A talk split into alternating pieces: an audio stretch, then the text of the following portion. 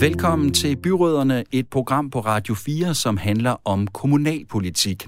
Vi vender og drejer arbejdet, beslutningerne og magtkampene på landets rådhuse. Det gør vi, fordi det er det nære demokrati, og fordi det har stor indflydelse på din hverdag. Jeg hedder Tue Sørensen og har fornøjelsen af at være din vært.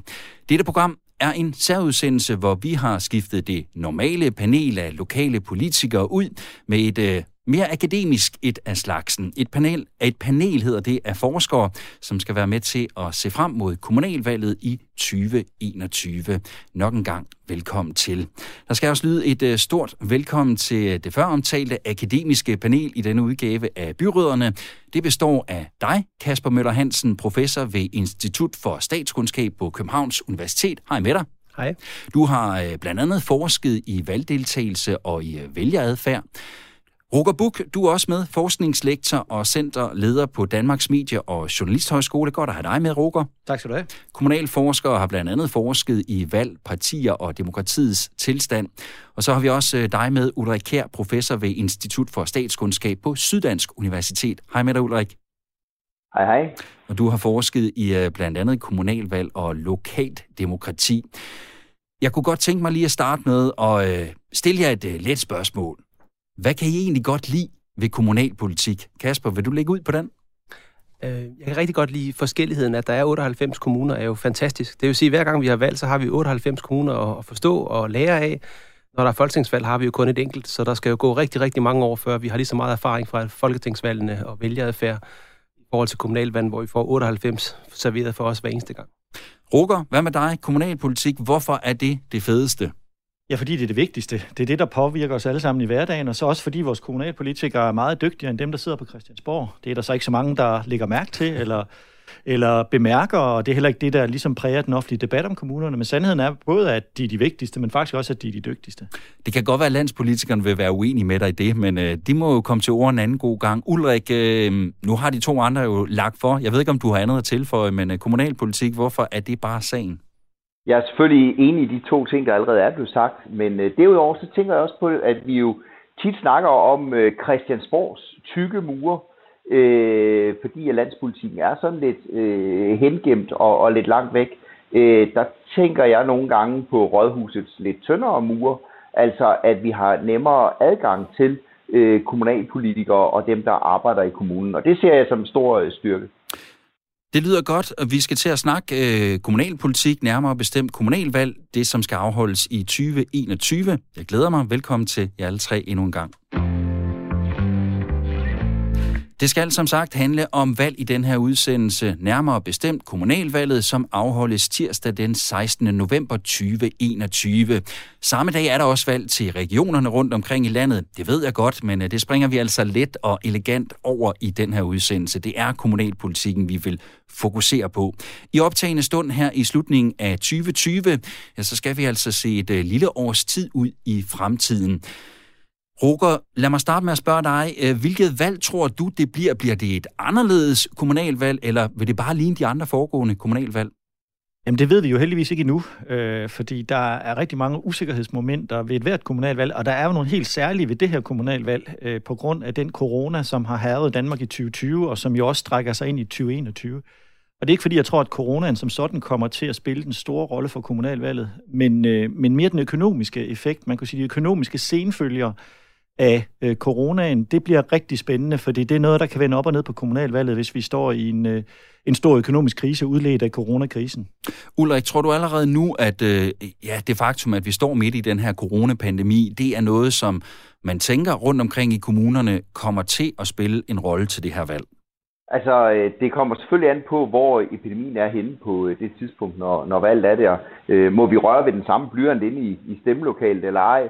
Øh, men ellers er jeg sådan set øh, enig med Roger i, at det er primært det her med, at økonomien kan øh, se ud på en måde forårsaget af corona, som kan spille ind i valgkampen. Og så vil jeg godt nævne en enkelt anden ting også, og det er jo, at vi skal tænke på, at nu har den politiske diskussion jo i, i ganske lang tid handlet om retningslinjer og mink og corona og, og, og ting og sager.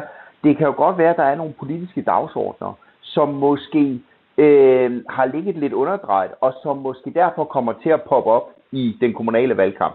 Det kunne være klima, Det kunne være øh, folkeskolen. Det kunne være et eller andet, hvor man øh, øh, måske føler, at det har man ikke fået diskuteret nok det sidste års tid. Og så er det jo øh, belejligt, at der er en, en øh, valgkamp øh, i øh, horisonten.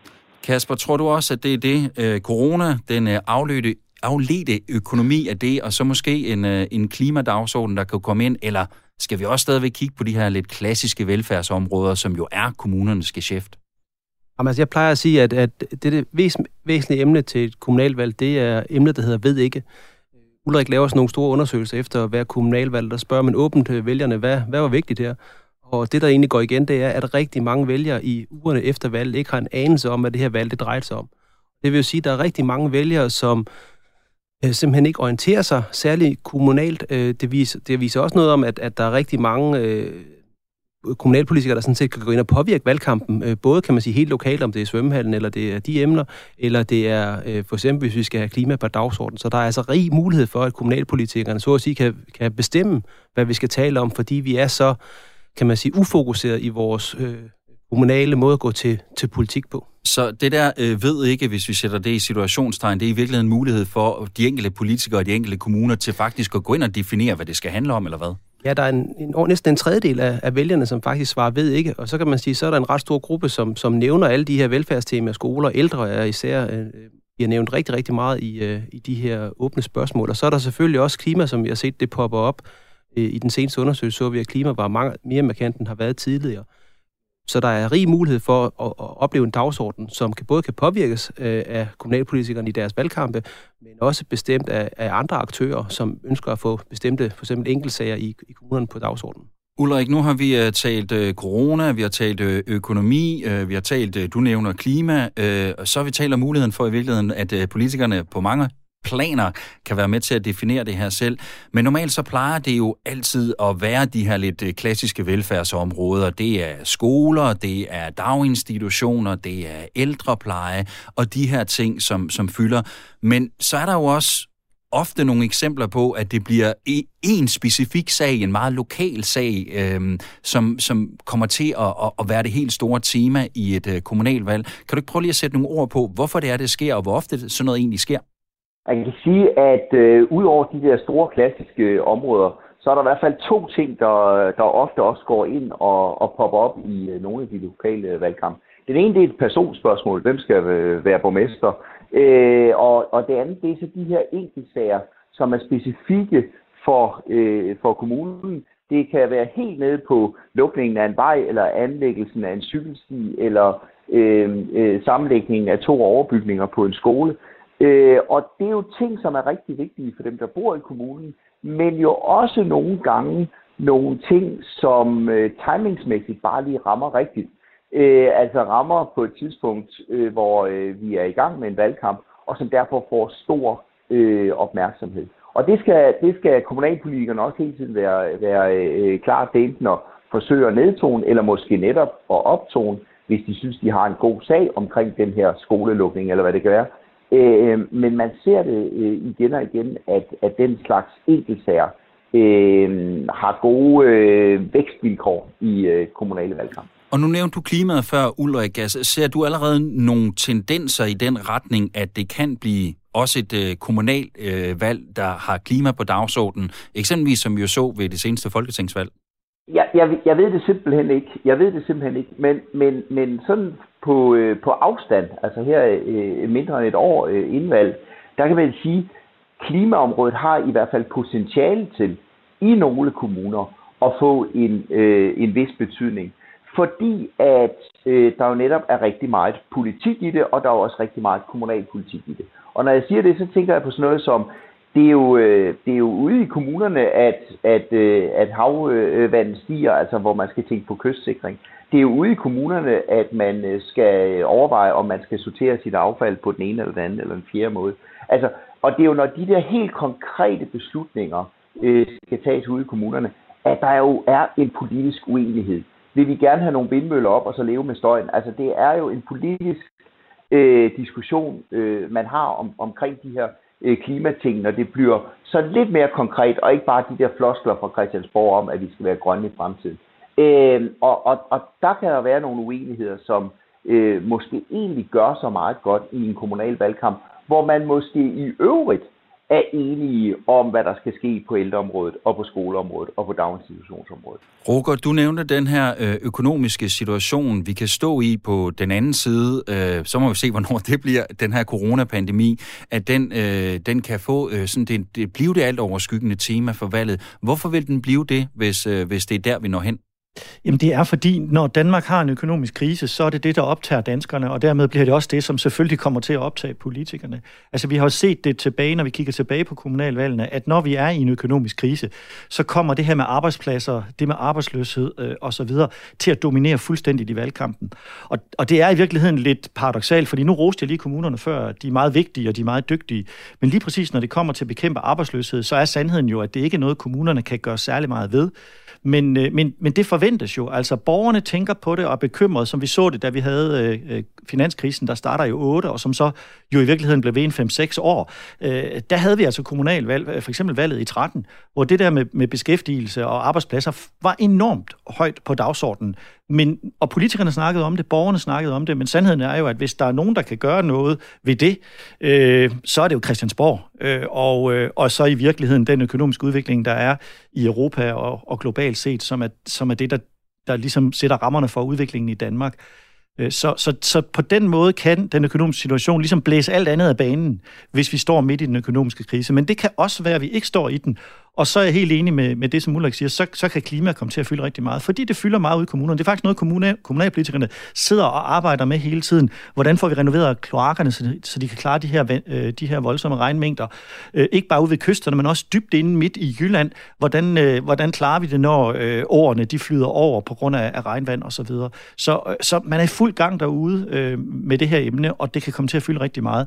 Men, men hvis vi har krise, så blæser det ligesom alt andet af banen.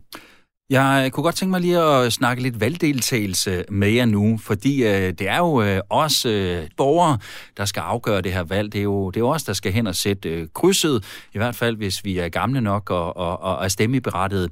Traditionelt er der jo ikke helt så mange af os, der øh, sætter et kryds ved et øh, kommunalvalg øh, og et regionsvalg for den sags skyld, som vi gør til et øh, folketingsvalg. I kan sikkert tallene. Kasper, nu kigger jeg på dig. Jamen, der er jo cirka 70 procent af os, der stemmer, og det synes jeg egentlig er ret flot. Og hvordan ser det ud i forhold til folketingsvalg? Det er 86 procent. 86, så den er lidt lavere der. Men det er jo også fordi, at, at det ikke er helt den samme gruppe, der stemmer. Jo, man skal være statsborger for at kunne stemme til et folketingsvalg, og ikke til et kommunalvalg. Så, så det er ikke... Øh... Så mængden af stemmeberettet er også større til et folketingsvalg? Den er meget større, og det er nogle af dem, der er kommet nyest til landet, for eksempel, der kan stemme til et kommunalvalg og ikke til et folketingsvalg. Og hvordan har udviklingen i valgdeltagelsen ved kommunalvalg været øh, sådan historisk set? Den har været høj og stabil. Det er sådan set konklusionen for det. Vi klarer os faktisk rigtig, rigtig godt øh, på valgdeltagelsen, øh, både sammenlignet med andre lande. Øh, der, hvor vi kan have lidt malurt i bære, det er måske i forhold til øh, grupper. Altså, vi har nogle grupper, nogle marginaliserede grupper. Øh, det kan både være af en etnisk herkomst, men det kan også være sociale grupper, altså kontanthjælpsmodtagere, som har nogle valgdeltagelser, som ligger rundt ned omkring 40 procent. Så kan vi begynde at kombinere grupperne, altså både hvis du har kan man sige, overførselsindkomst, plus du er anden etnisk herkomst, plus du er ung, og så videre, så videre, så kan du nå helt ned i, i øh, valgdeltagelsestal i, i de her grupper her. Så der er så nogle grupper, som øh, har valgt demokratiet fra, og det vi ser i tallene, det er jo, at man ikke bare vælger et valg fra, man stemmer faktisk til ingenting, altså man hverken det ene eller andet eller tredje valg. Så vi har så en gruppe af danskere på cirka 10 procent, som aldrig har stemt.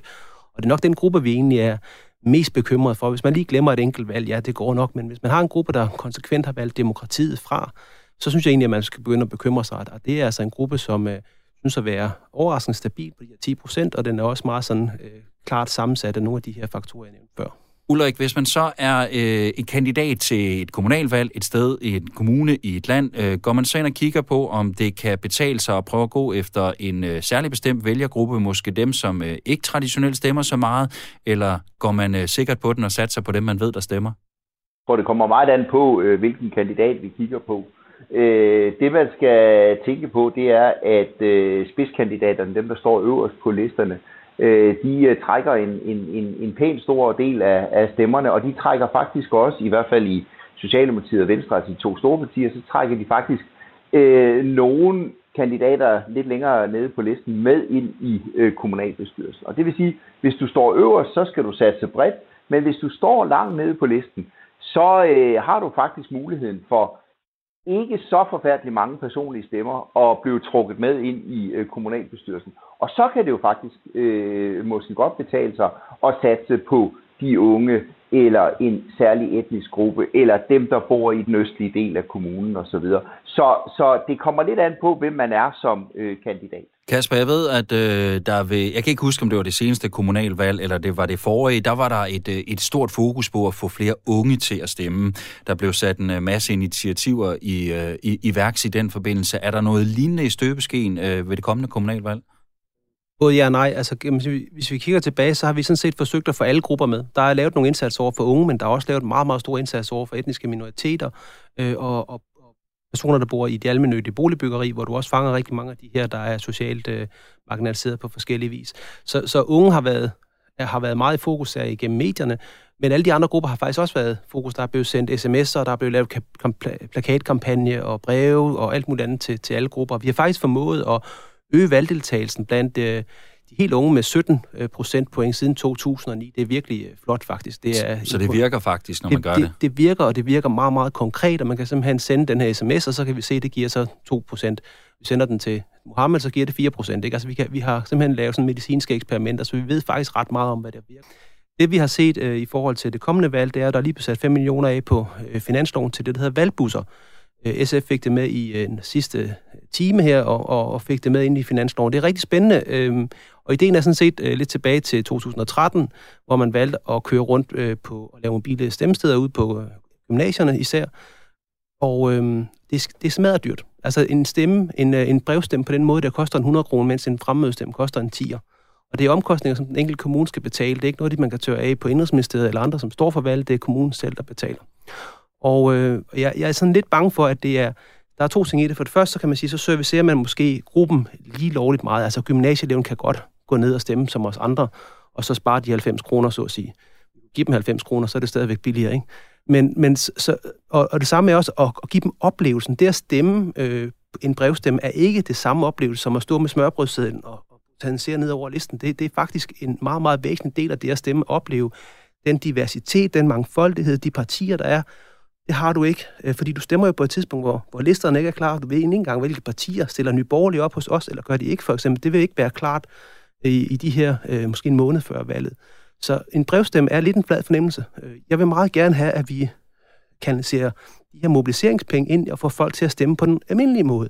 Det er også den måde, de skal stemme på resten af deres liv. Så det, jeg tror, det er ret vigtigt, at vi ikke øh, så at sige, løber efter øh, specifikke grupper på den måde, men hellere prøver at trække dem ind på den almindelige måde. så er der en anden ting, det er jo, at det bliver jo et, et valg, kan man sige, selve øh, valghandlingen bliver jo lidt i coronaens tegn. Ulrik nævnte det med blyanterne før. Øh, ministeriet sidder lige nu og tænker så om, skal vi opfordre generelt til, at der skal øge brevstemme øh, andelen ved en kampagne og sådan nogle ting. Og der er igen sådan, øh, det kan vi godt, men hvad er konsekvensen? Konsekvensen er blandt andet, at langt færre af os vil stemme personligt. Vi ved jo, at 75 procent af os stemmer personligt normalt. Konsekvensen er jo, at det bliver igen al magt til spidskandidaterne derude, fordi de personlige stemmer lige pludselig bliver glemt. Så der er så nogle meget, meget store konsekvenser, hvis man så at sige drejer op for den her brevstemmeprocent. Vi ved også, at valgdeltagelsen har tendens til at falde i de kommuner, som har høje brevstemmeprocenter. Øhm, vi har set eksempler fra USA også, hvor, hvor igen, hvis man så at sige gør det obligatorisk, at man kun må brevstemme frem for fremmødestemme, så falder valgdeltagelsen.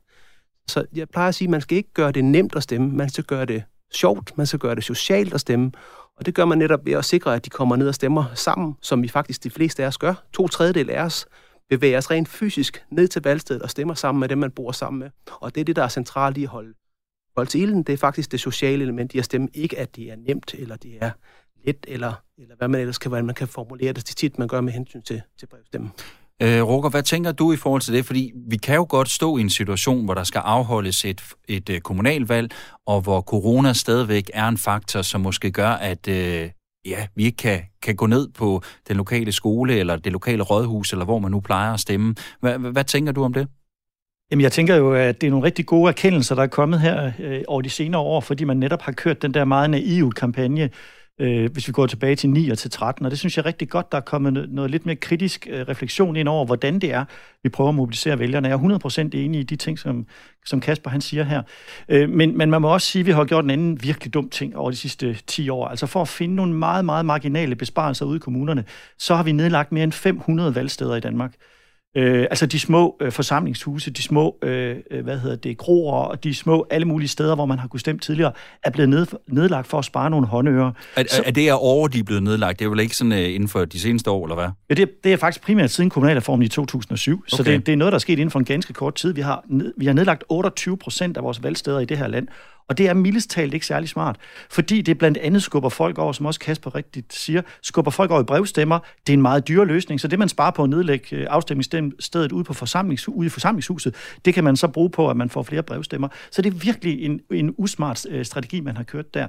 Så, så det tror jeg også er noget af det, man kunne overveje. Det var jo, om der skulle være flere valgsteder i forbindelse med kommunalvalget. Øh, fordi så undgår man køerne inde på de øh, valgsteder, der er tilbage. Og det er jo et klassisk problem, at, at der, der samles jo især sådan i spidsbelastningstidspunkterne rigtig, rigtig mange mennesker, og, øh, og der kunne man jo simpelthen åbne nogle flere øh, valgsteder, simpelthen genåbne nogle af dem, som man, man har lukket ned. Ja, altså i forhold til det med at, at lukke valgsteder, det er jo helt rigtigt, hvad Roger siger, der er blevet lukket rigtig mange, og det er vi helt nede på, på 1387 lige nu, og der ryger nogle flere her inden kommunalvalget. Pointen er lidt her, at, at vi kan se, at at det er rigtigt, hvad Roger siger, når vi måler afstanden, for langt du har hen til valgstedet, så, så er det sådan, at du faktisk, øhm, jo længere du har øh, til valgsted, det er, det er jo en omkostning, øh, der, øh, der stemmer du mindre. Så hvis du lukker et valgsted, så øh, kan man sige, så, så skal du, for, udover så skal du bevæge dig længere, du skal også orientere dig mod et nyt sted, og det gør sådan set, at man alt andet lige vil stemme mindre. Og øh, vi kan se, at effekterne er faktisk størst, kan man sige, på de få kilometer. Altså der, hvor du, øh, kan man sige, så at sige, øh, lukker et valgsted i en by, øh, er effekten større, end hvis du lukker den ude på landet. Og det er jo fordi, hvis du allerede skal køre 10 km, så det, går ikke så meget, at du skal køre 15. Men hvis du lukker det ind i byen, og du skal lige fremgå fra måske 2 km, så, så er det noget helt andet. Så det, det, det, er oftest det der brud øh, i, i og som, som egentlig får den der effekt på valgdeltagelsen. Så det er klart, at hvis man vælger at lukke valgsteder, så kan det kun nærmest på kort sigt have den effekt, at, at valgdeltagelsen vil falde, og det har vi også analyseret ret, øh, ret detaljeret over tid. Du lytter til Byråderne på Radio 4, et program om kommunalpolitik. Mit navn er Tue Sørensen, og med i denne særudgave af programmet, hvor vi ser frem mod kommunalvalget i 2021, er et øh, panel bestående af Kasper Møller Hansen, professor ved Institut for Statskundskab på Københavns Universitet, Roger Buk, forskningslektor og centerleder på Danmarks Medie- og Journalisthøjskole, og så Ulrik Kær, professor ved Institut for Statskundskab på Syddansk Universitet. Selvom vi her i optagende stund er et øh, lille års tid fra øh, kommunalvalget, så er det jo øh, på mange måder allerede i gang for rundt om i landet. Der er partierne jo ved at finde deres kandidater og ved at få udpeget spidskandidater i de enkelte kommuner. Ulrik, hvordan, øh, hvordan foregår den proces egentlig? Ja, den foregår på øh, lidt forskellig vis, øh, forstået på den måde, at det er jo op til de enkelte partier, øh, hvordan de vil gøre det. Og det, der vel nok er den største forskel, øh, eller i hvert fald traditionelt har været det, det er, hvor, øh, hvor tidligt man starter, ikke mindst hvor tidligt man starter med at finde sin spidskandidat og potentielle øh, øh, borgmesterkandidat.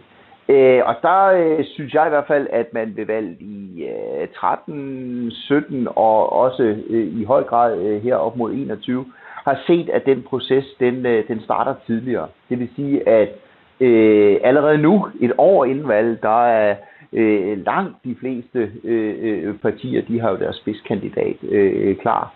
Øh, og så fylder man øh, typisk i løbet af foråret øh, resten af listen øh, op med, øh, med kandidater. Men det betyder i hvert fald, at vi får en, en meget, meget øh, lang valgkamp, og den jo sådan set allerede er i gang. Så det vil sige, hvis du går til Kolding Kommune, og allerede nu ved, at SF stiller med Ville Søvndal og Venstre med Eva Kjær Hansen, øh, så er valgkampen jo et eller andet sted øh, i den grad skudt i gang, fordi at alt, hvad de to øh, personer siger, det er jo, det er jo valgkamp.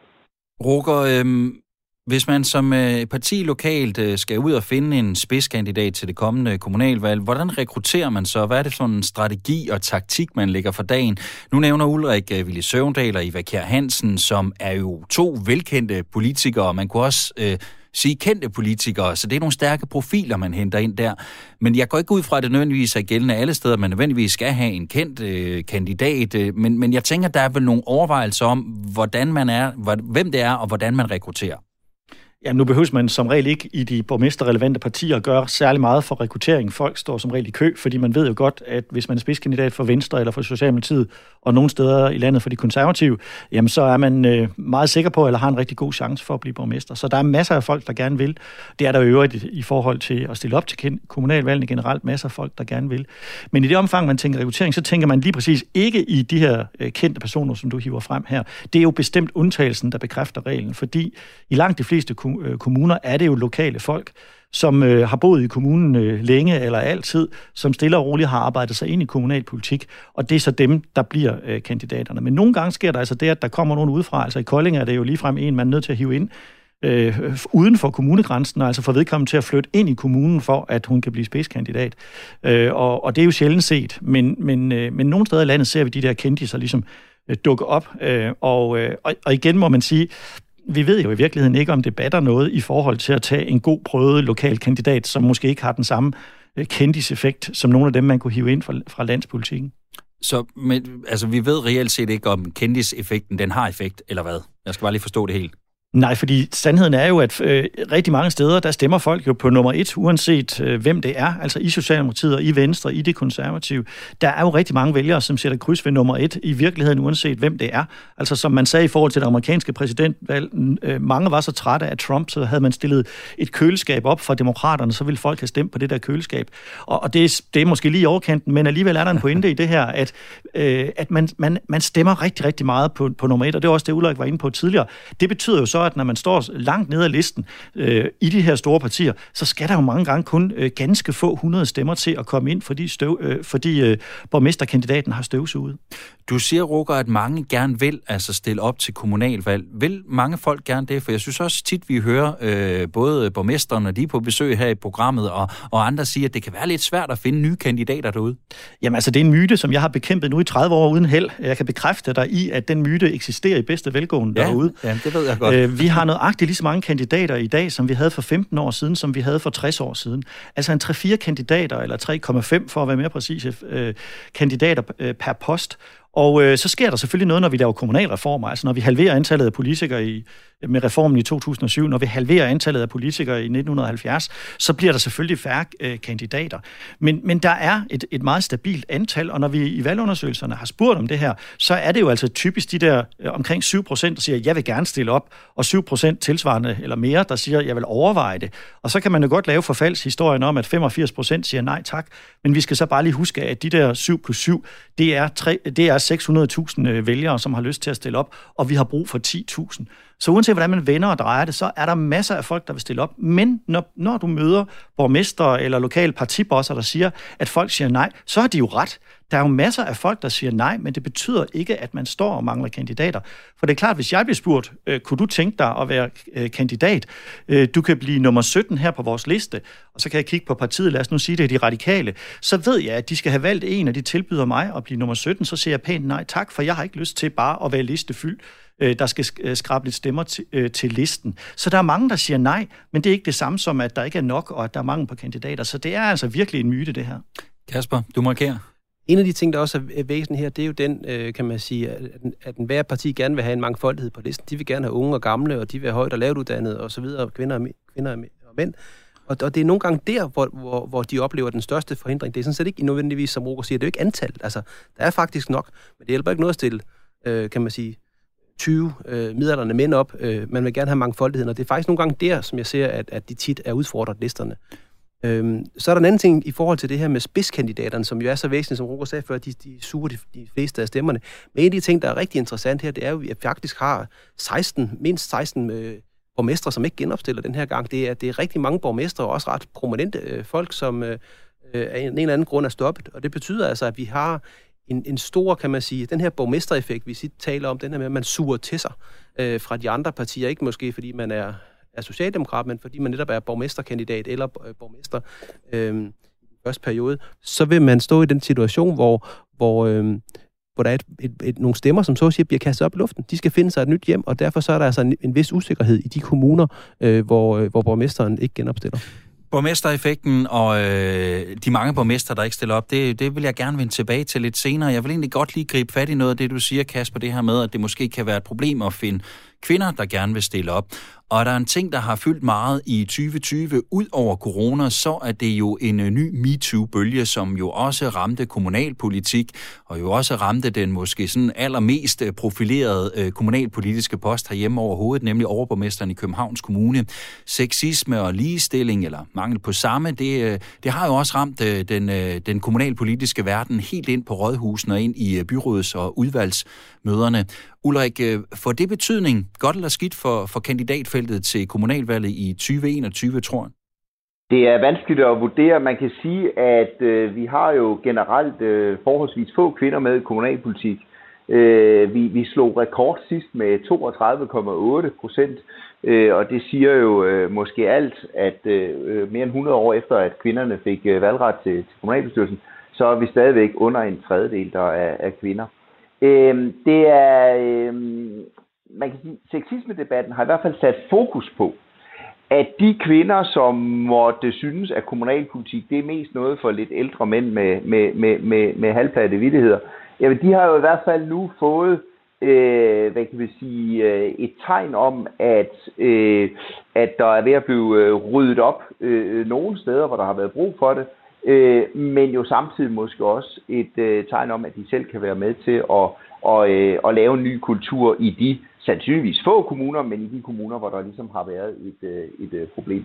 Så jeg tænker da, jeg tænker da, at, at, øh, at den diskussion, der har været, kan jo næsten kun, hvad kan vi sige, hvad kan vi sige, have en positiv effekt på også kvinder og også yngre kvinders lyst til at være med i kommunalpolitik.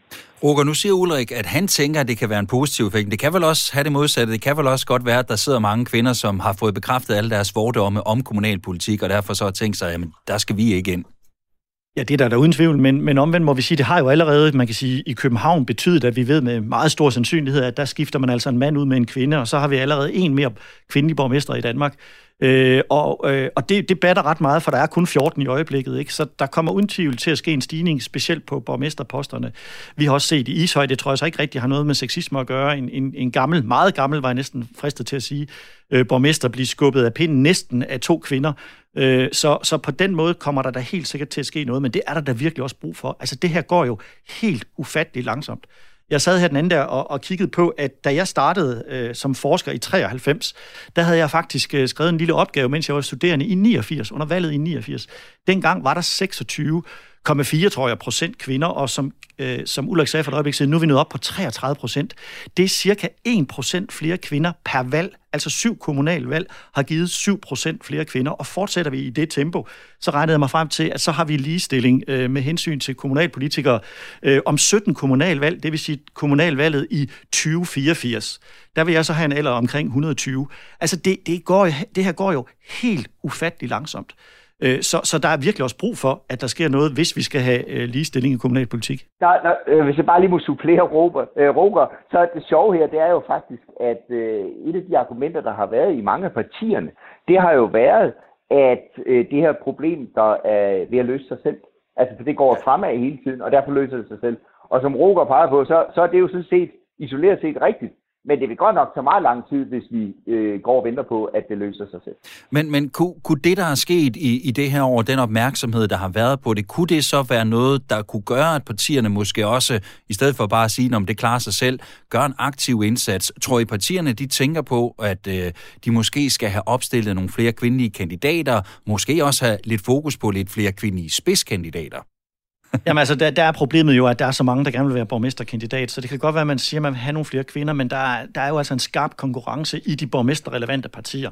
Så, så jeg tror, det bliver rigtig svært, men, men der er jo allerede sket et skifte i København, der er allerede sket et skifte i, Ishøj, der er sket øh, for Venstre i, i Kolding osv. Så, videre. så vi kan jo pege rundt i landet og se en masse steder, hvor der er en god sandsynlighed for, at øh, der kan komme flere kvinder ind på borgmesterposten. Men i forhold til andelen af kvinder samlet set i kommunalbestyrelserne, der tror jeg ikke, vi vil se det store. Altså vi så jo et kraftigt, øh, forholdsvis kraftigt spring i 2009, hvor vi fejrede kvinders øh, 100 års valgret til kommunalvalg. Der var der en meget stor fokus på køn ved det valg, og det gav mere end, øh, end 1% ved det valg.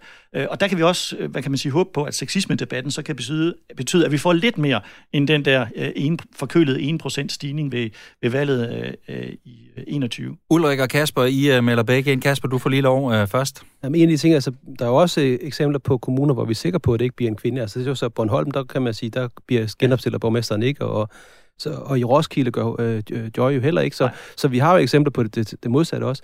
En af de ting, som jeg har oplevet, at der er nogle kommuner, som er begyndt at genopfinde, det er den der fletteregel, med at man har mand, kvinde, mand, kvinde helt ned over listen. Og der tvinger man jo, kan man sige, øh, kvinderne ind på listen og på positioner, hvor de er, har større chance for at blive valgt. Altså, der er ingen tvivl om, hvor pilen peger hen i forhold til at få flere kvinder, og det er partierne. Det er partiernes opstilling, der er det alt afgørende, og det er der flaskehalsen er. Vælgerne vil gerne have flere kvinder. Der er masser, kan man sige, på den anden side, der gerne vil stille op. Der er flere kvinder end mænd, der stemmer. Mange flere faktisk. Så der er ingen tvivl om, at pilen peger på partierne. Det er opstillingen, der er problemet. Ulrik, du skal lige have lov også at komme med en øh, måske afsluttende kommentar. Jeg er fuldstændig enig i det, der allerede er blevet sagt, og øh, det, der øh, var spørgsmålet, det var, øh, betyder det så, at partierne den her gang virkelig giver den gas og øh, får mange flere kvinder på listerne? Og jeg tror bare, at det korte øh, svar, det er nej.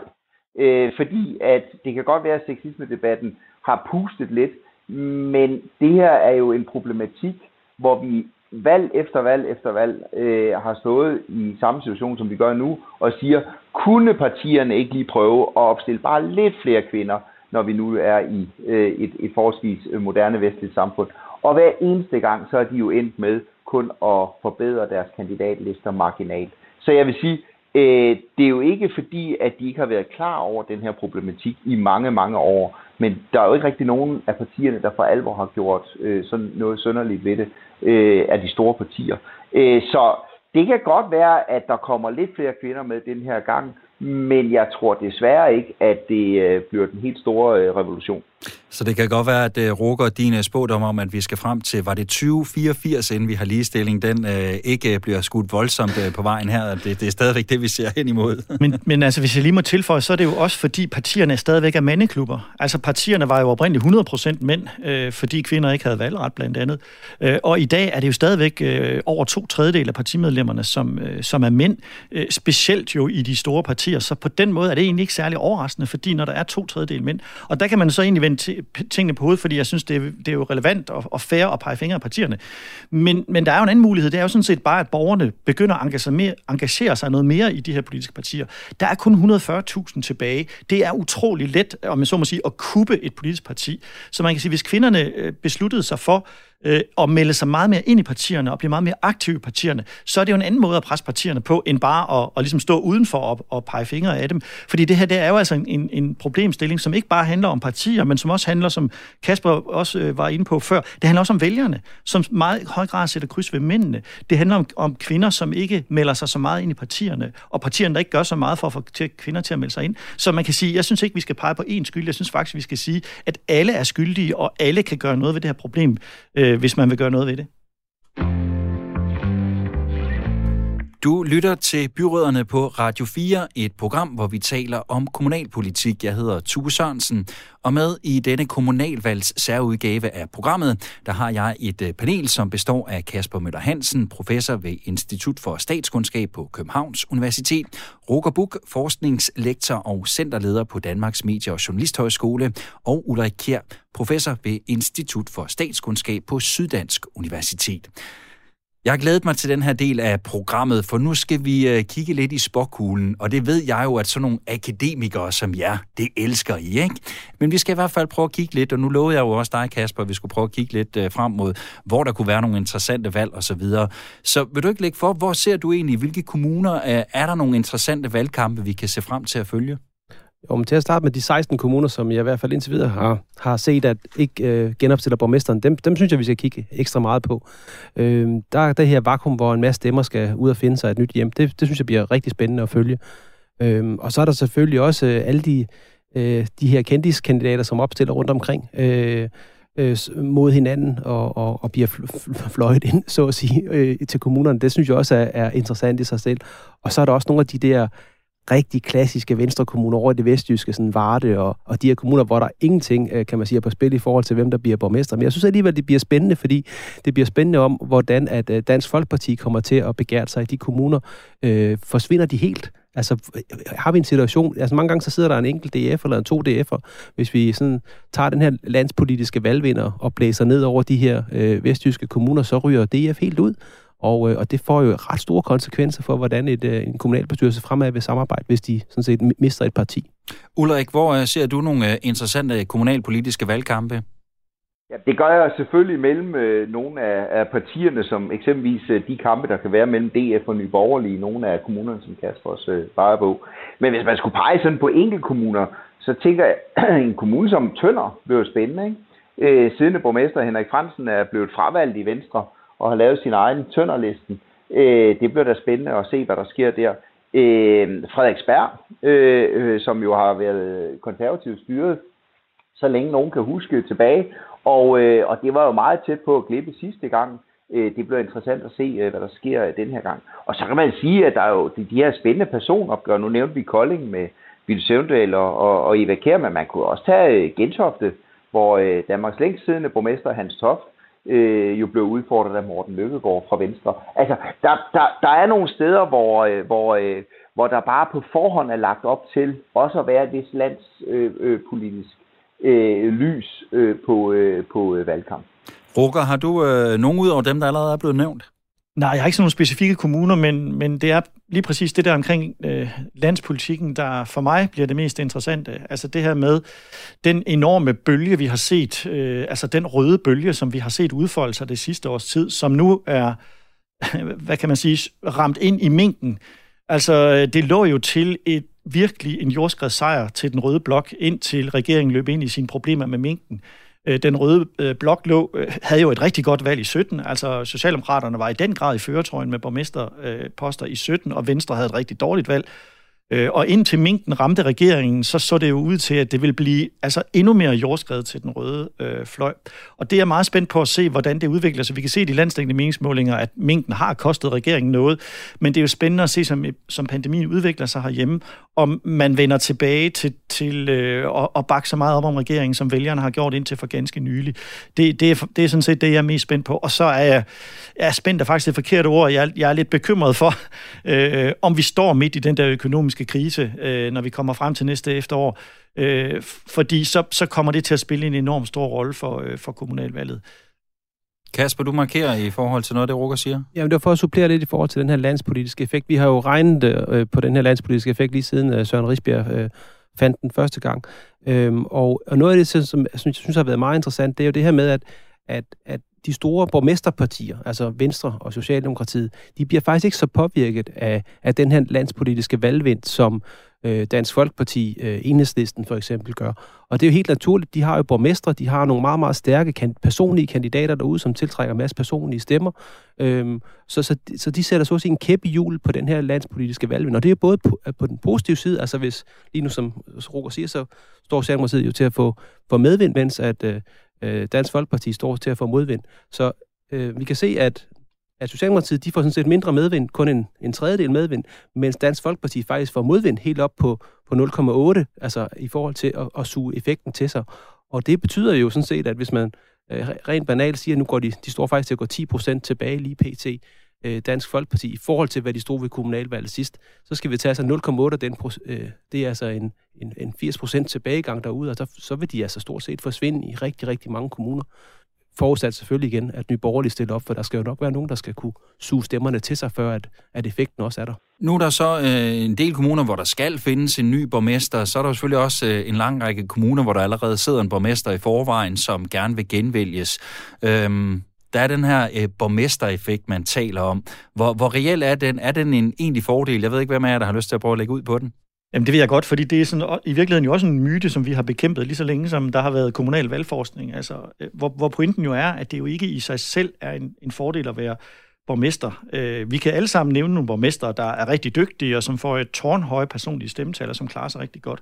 Men det vi bare glemmer, øh, sådan helt systematisk, det er alle de borgmestre, som, som er dårlige. Altså nu kan jeg sige, jeg kommer fra, jeg bor i Randers Kommune, og der har vi haft øh, indtil flere rigtig dårlige borgmester, som også har klaret sig rigtig dårligt ved kommunalvalgene, og dem glemmer vi altså. Så når vi kigger samlet set på det, så er det jo grundlæggende ikke en, en stor fordel at, at, være, at have borgmesterposten. Bortset lige fra, kan man sige, når man erobrer den øh, første gang som parti, så kan der være en, en, en lille bonus. Men derefter, så er det jo op til, om man har en dygtig borgmester eller en knap så dygtig øh, borgmester. Og der kan vi også sige, i forhold til personerne, der, der har vi jo også, det er jo, så er vi tilbage ved, ved, øh, ved køleskabet, at, at, øh, at mange steder, der kan vi jo se, at at det sådan set er, øjensynligt ikke betyder noget som helst, at man skifter selv en meget populær, gammelgavet øh, kommunalpolitiker ud med, med, øh, med en anden, øh, så stemmer folk alligevel på partiet. Roger, du siger, at der er en øh, effekt, øh, når man lige bliver valgt, altså i ens hvad, første øh, periode som siddende borgmester, der kan man simpelthen måle, at der er en effekt af Nej, det, altså i, part, i partiets I første partiet. periode, okay. det er partiets første, der er sådan ligesom en erobringseffekt, kunne man vel kalde det, at når et parti snupper den fra et andet parti, så er der en bonus, men ved valg nummer 2, 3, 4 og så videre, der kan man sige, der er der, der, er der efter alt at dømme ikke nogen særlig fordel, og, og det tror jeg simpelthen handler om det der med, at der er nogle super dygtige borgmester, de har fordele af at sidde med den, Øh, nu står jeg her og kigger på, øh, på hvad hedder det, rådhuset i Aarhus ud af vinduet, og der kan man sige, der har man jo haft nogle borgmester, der har været rigtig dygtige, øh, Torkel Simonsen, øh, som jo var, øh, altså virkelig sad på den her kommune og, havde, og klarede sig rigtig godt ved valgene. Men der har altså også været nogle dårlige borgmester, og, og, og dem, øh, dem har vi det med at glemme. Nej, ja, ja, man kan jo meget, meget øh, fint illustrere øh, den her, øh, fordi at, øh, det Roger siger fuldstændig rigtigt. Man kan jo illustrere pointen om, at det er en første periode effekt ved at kigge til øh, Frederikshavn Kommune. Ikke? Hvor vi har Danmarks mest populære borgmester, Birgit Stenbak Hansen, som ved sidste valg fik øh, 42 procent af samtlige stemmer i hele kommunen, de blev afgivet på hende som personlige stemmer. Og det var jo fordi, hun havde været borgmester i en periode, øh, gået fra at være knap så kendt til at være meget kendt, gået fra at måske ikke at have haft øh, fingrene med i så mange beslutninger, til virkelig at have siddet for bordenden i mange beslutninger. Og det kvitterede vælgerne for, hun havde gjort det rigtig, rigtig godt, og så stemte de på hende stort set øh, alle sammen så kan man sige, nu skal hun til valg igen, øh, og der kan man sige, at hun har sandsynligvis gjort det mindst lige så godt øh, siden, men det bliver godt nok svært at slå sin egen rekord. Ikke? Altså det bliver godt nok svært at komme over 42 procent af samtlige stemmer. Og det, og det er det, man lige skal tænke på, at den der borgmestereffekt, øh, dem der er gode nok som borgmestre til at indhøste den, jamen, de kan jo ikke blive ved med at indhøste den. De kan jo ikke komme over 100 procent af stemmer. Ja, altså, så, så der er, der er ligesom en, en, en, øh, en, øh, hvad kan man sige, et, et, et niveau for det. Og det skal også siges, at, vi har faktisk prøvet at regne på, øh, hvor stor den der første periode effekt den er. Og hvis man lægger alle tallene sammen fra alle mulige mærkelige valg, jamen så er vi altså nede og rode i en 3-4 procentpoint. Altså det, der typisk vil svare til et mandat. Og, og det er da klart, at nogle gange bliver borgmesterposten afgjort af et enkelt mandat. Men vi skal bare tænke på, at så er, større, så er fordelen altså heller ikke større i gennemsnit, end, end vi er nede sådan, øh, på den, på den dårlige side af et helt mandat. Okay, Nå, interessant lige at høre. Øhm, I nævner før det her med øh, effekten af det landspolitiske, og, og hvad det også har af betydning for, for, for kommunalvalget. Øhm, det bringer mig lidt videre til, øh, hvilken rolle det er, at øh, landspolitikerne, altså folketingsmedlemmerne, de spiller ved et kommunalvalg. Man kan sige, et er, hvordan det går Socialdemokratiet som parti på landsplan. Noget andet er, hvordan de enkelte folketingsmedlemmer, måske minister, måske endda statsministeren, også vil gå ind og være med til at føre kommunalpolitisk valgkamp. Øh, hvad er egentlig deres rolle, Kasper? Kan du sige noget om det? Jamen, den er jo ligesom et toægget svær, ja, fordi du har en situation, hvor på den ene side, hvis du har en meget populær øh, minister for eksempel, så vil du gerne have vedkommende til at stå på, på gågaden sammen med dig, men hvis at øh, partiet på Christiansborg ikke er populær, og ministeren har lige fået en næse for det ene eller for det andet, så øh, behøver, har vi ikke lige tid til at have besøg. Øh, og, og det er altså meget det der, kan man sige, som, som de øh, lokalpolitikerne sidder faktisk og tænker meget over. Skal jeg, skal jeg tage imod invitationen, eller skal vi øh, lade som om, at, øh, at vi er et andet parti? Øh, så, så det er bestemt ikke lige til, hvad, hvad, de, hvad de ender med rundt omkring. Det afhænger helt klart af dagsformen, kan man sige, på Christiansborg. Ulrik, har der været en udvikling i forhold til, hvor meget folketingspolitikerne har spillet en rolle, eller i hvert fald forsøgt på det i de kommunale valgkampe? Tja, Joe, jeg vil i hvert fald hæfte mig ved, at øh, kommunal, kommunalvalg 2017, og ah, grund til, at jeg siger tja, tjo, det er fordi, at, at netop som du blev sagt, så er det jo en balance. Det er ikke altid, man er lige uh, populær. Det har vi også set eksempler på uh, ved tidligere valg. Men, men en af de ting, man kan pege på, det er ved kommunalvalget i 2017, altså det seneste kommunalvalg, der var Mette Frederiksen jo øh, på bustur og besøgte samtlige 98 kommuner i, øh, i Danmark. Vist nok som den første statsminister nogensinde. Og det ved jeg da ikke rigtigt, om det var nogen ubetinget succes, forstået på den måde. Der var også øh, kommuner, hvor historien var, øh, hun kom forbi, men var det ikke længe nok til, at vi kunne høre, øh, hvad hun mente politisk. Eller hun kom forbi og, og stillede op til foto med den lokale øh, borgmesterkandidat. Så det er jo hele tiden noget, der skal doseres på den rigtige øh, måde. Og jeg tror stadigvæk, jeg tror stadigvæk, at der er en, øh, at vi fører forholdsvis gammeldags valgkamp i, øh, i Danmark. Altså det er ude lokalt valgkampen står, og landspolitikerne kan have al mulig lyst til at blande sig, og de kan også af sine øh, kandidater blive inviteret, men dybest set kan de jo ikke gøre ret meget andet end at skaffe øh, hvad kan man sige, en, en ekstra historie i det lokale dagblad for en, for en given øh, øh kandidat, fordi øh, de har meget, meget svært ved at blande sig i den politik, der foregår. Roger, øh, det at der har været den her coronapandemi, som jo også på en eller anden måde har gjort, øh, øh, altså det har jo været en ny udfordring for kommunerne og også for, hvad kan man sige, Folketinget mere specifikt måske i virkeligheden regeringen i, i det her tilfælde, i forhold til, hvordan de ligesom har skulle samarbejde og kommunikere for at løse den her udfordring. Kan, kan det betyde noget for, hvordan det også kommer til at, at, at fylde i valgkampen? Gav det overhovedet mening, det spørgsmål? Ja, det ved jeg ikke, men jeg kan godt svare på det alligevel. øh, ja, det altså, for. fordi det, jeg først og fremmest tænker, det er, at øh, det er en god illustration af det, som jeg startede med at sige, kommunalpolitikens øh, vigtighed. Altså, det er jo kommunerne, der har kæmpet os igennem den her coronasituation. Regeringen har udstukket nogle retningslinjer og truffet nogle beslutninger, men i praksis, operativt, er det jo kommunerne, der, der har stået og skulle få folkeskolerne, øh, plejehjemmene og det hele til at fungere. Og det bekræfter endnu en gang vigtigheden af, af kommunalpolitikken. Øh, men, men i forhold til det her med, hvad, hvad kommer det til at... Bet- altså man har jo også ude lokalt set det her sammenhold, at man er gået sammen og har lagt alt andet til side og sagt, nu skal vi have klaret det her. Og jeg vil jo sige, det er noget af det, jeg hører i kommunerne, at det har været en meget positiv oplevelse øh, for både kommunalpolitikere og personale, at politikerne har haft det der fokus på driften. Hvordan får vi skolerne til at fungere? Hvordan får vi ældreplejen til at fungere? Det, det hører man sådan hele vejen rundt, at det har været en utrolig positiv øh, oplevelse, at politikerne gik så dybt ned i det, som er øh, hverdagen for, for, øh, for medarbejderne. Men, men så i øvrigt, så, så vil jeg sige, at jeg tror, vi kommer til at se rigtig mange folketingspolitikere, rigtig mange politi- øh, partiledere, selvom det selvfølgelig er oplagt for nogle partiledere, for eksempel Tulsendal.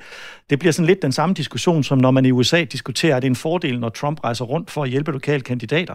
Der kan man sige det samme om Tulsendal, øh, uden sammenligning i øvrigt, øh, men, men, men det er lidt den, den samme logik i hvert fald at et parti, der har det så dårligt, øh, har de, er det en hjælp at få besøg af en vingeskudt partileder. Men grunden til, at de kommer, næste, øh, næste år til kommunalvalget, det har faktisk ikke ret meget med kommunalvalget at gøre. Det har noget at gøre med, at på det tidspunkt, øh, der er vi i den grad på vej ned ad bakke mod det næste folketingsvalg. Og, og der skal politikerne ud og markere sig, fordi det, som er kernen, og det var også det, som øh, som Ulrik pegede på for et øjeblik siden, kernen er, at man får noget lokal medieopmærksomhed. De lokale, regionale medier står klar med mikrofonen og kameraerne og, og, og notesblokken, når landspolitikerne kommer ud, for de er der stort set ellers aldrig. Øh, og det giver noget medieopmærksomhed, og det kan hjælpe en lille bitte smule øh, ved kommunalvalget, men det kan også være, at man begynder at prime og gøre sig klar til det folketingsvalg, der så venter lige om hjørnet. Så jeg tror faktisk, vi kommer til at se rigtig mange. Det var et øh, fint svar på et rigtig dårligt spørgsmål. Det er jeg glad for, at du øh, kunne svare på, Roger. Tak for det. Vi er altså så småt ved at løbe tør for tid. Jeg kunne godt tænke mig lige, inden jeg slipper jer helt alle tre, bare lige ganske kort slutte af med at spørge, hvad glæder I egentlig mest til, hvis I skal vælge en enkelt ting i forhold til at følge med i det kommende kommunalvalg? Kasper? Ah, det er næsten det sværeste spørgsmål, vi har fået jo. altså, jeg synes faktisk, det, det, er, det er jo netop den her dynamik, øh, og, og også øh, lade os blive overrasket over, hvad, det foregår derude. Øh, og så har jeg jo håb om, at vi igen ser i nogle konstitueringsprocesser, som egentlig kører øh, efter bogen, og vi ikke behøver at have alle de her personhistorier, men faktisk får hørt om masser af forskellige politik derude. Ulrik, hvad glæder du dig mest til? Jeg er i hvert fald mest spændt på at se, i hvor høj grad kommunerne får udnyttet det her åbne vindue, der er, hvor al opmærksomheden er rettet ned øh, mod dem. Og det vil sige, ikke nødvendigvis i den sidste måned i valgkampen, men de to, tre, fire måneder, der fører op til, i hvor høj grad de kan gøre kommunalpolitikken og de beslutninger, de vigtige beslutninger, der bliver truffet derude, om de kan gøre dem interessante for øh, vælgerne. Øh, det tror jeg faktisk, de har en stor øh, mulighed for. Øh, men jeg ved ikke, om de udnytter den. Det bliver spændende. Og Roger, hvad glæder du dig mest til, eller hvad er du mest spændt på?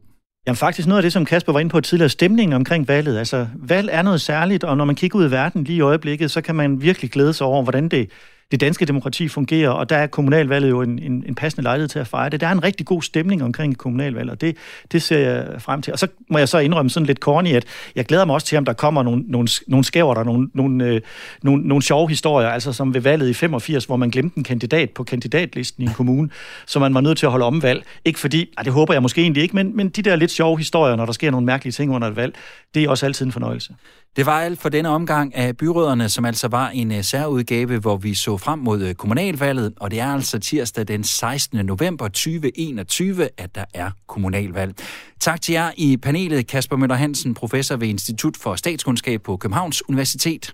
Også tak til dig, Roger Buk, forskningslektor og centerleder på Danmarks Medie- og Journalist Højskole.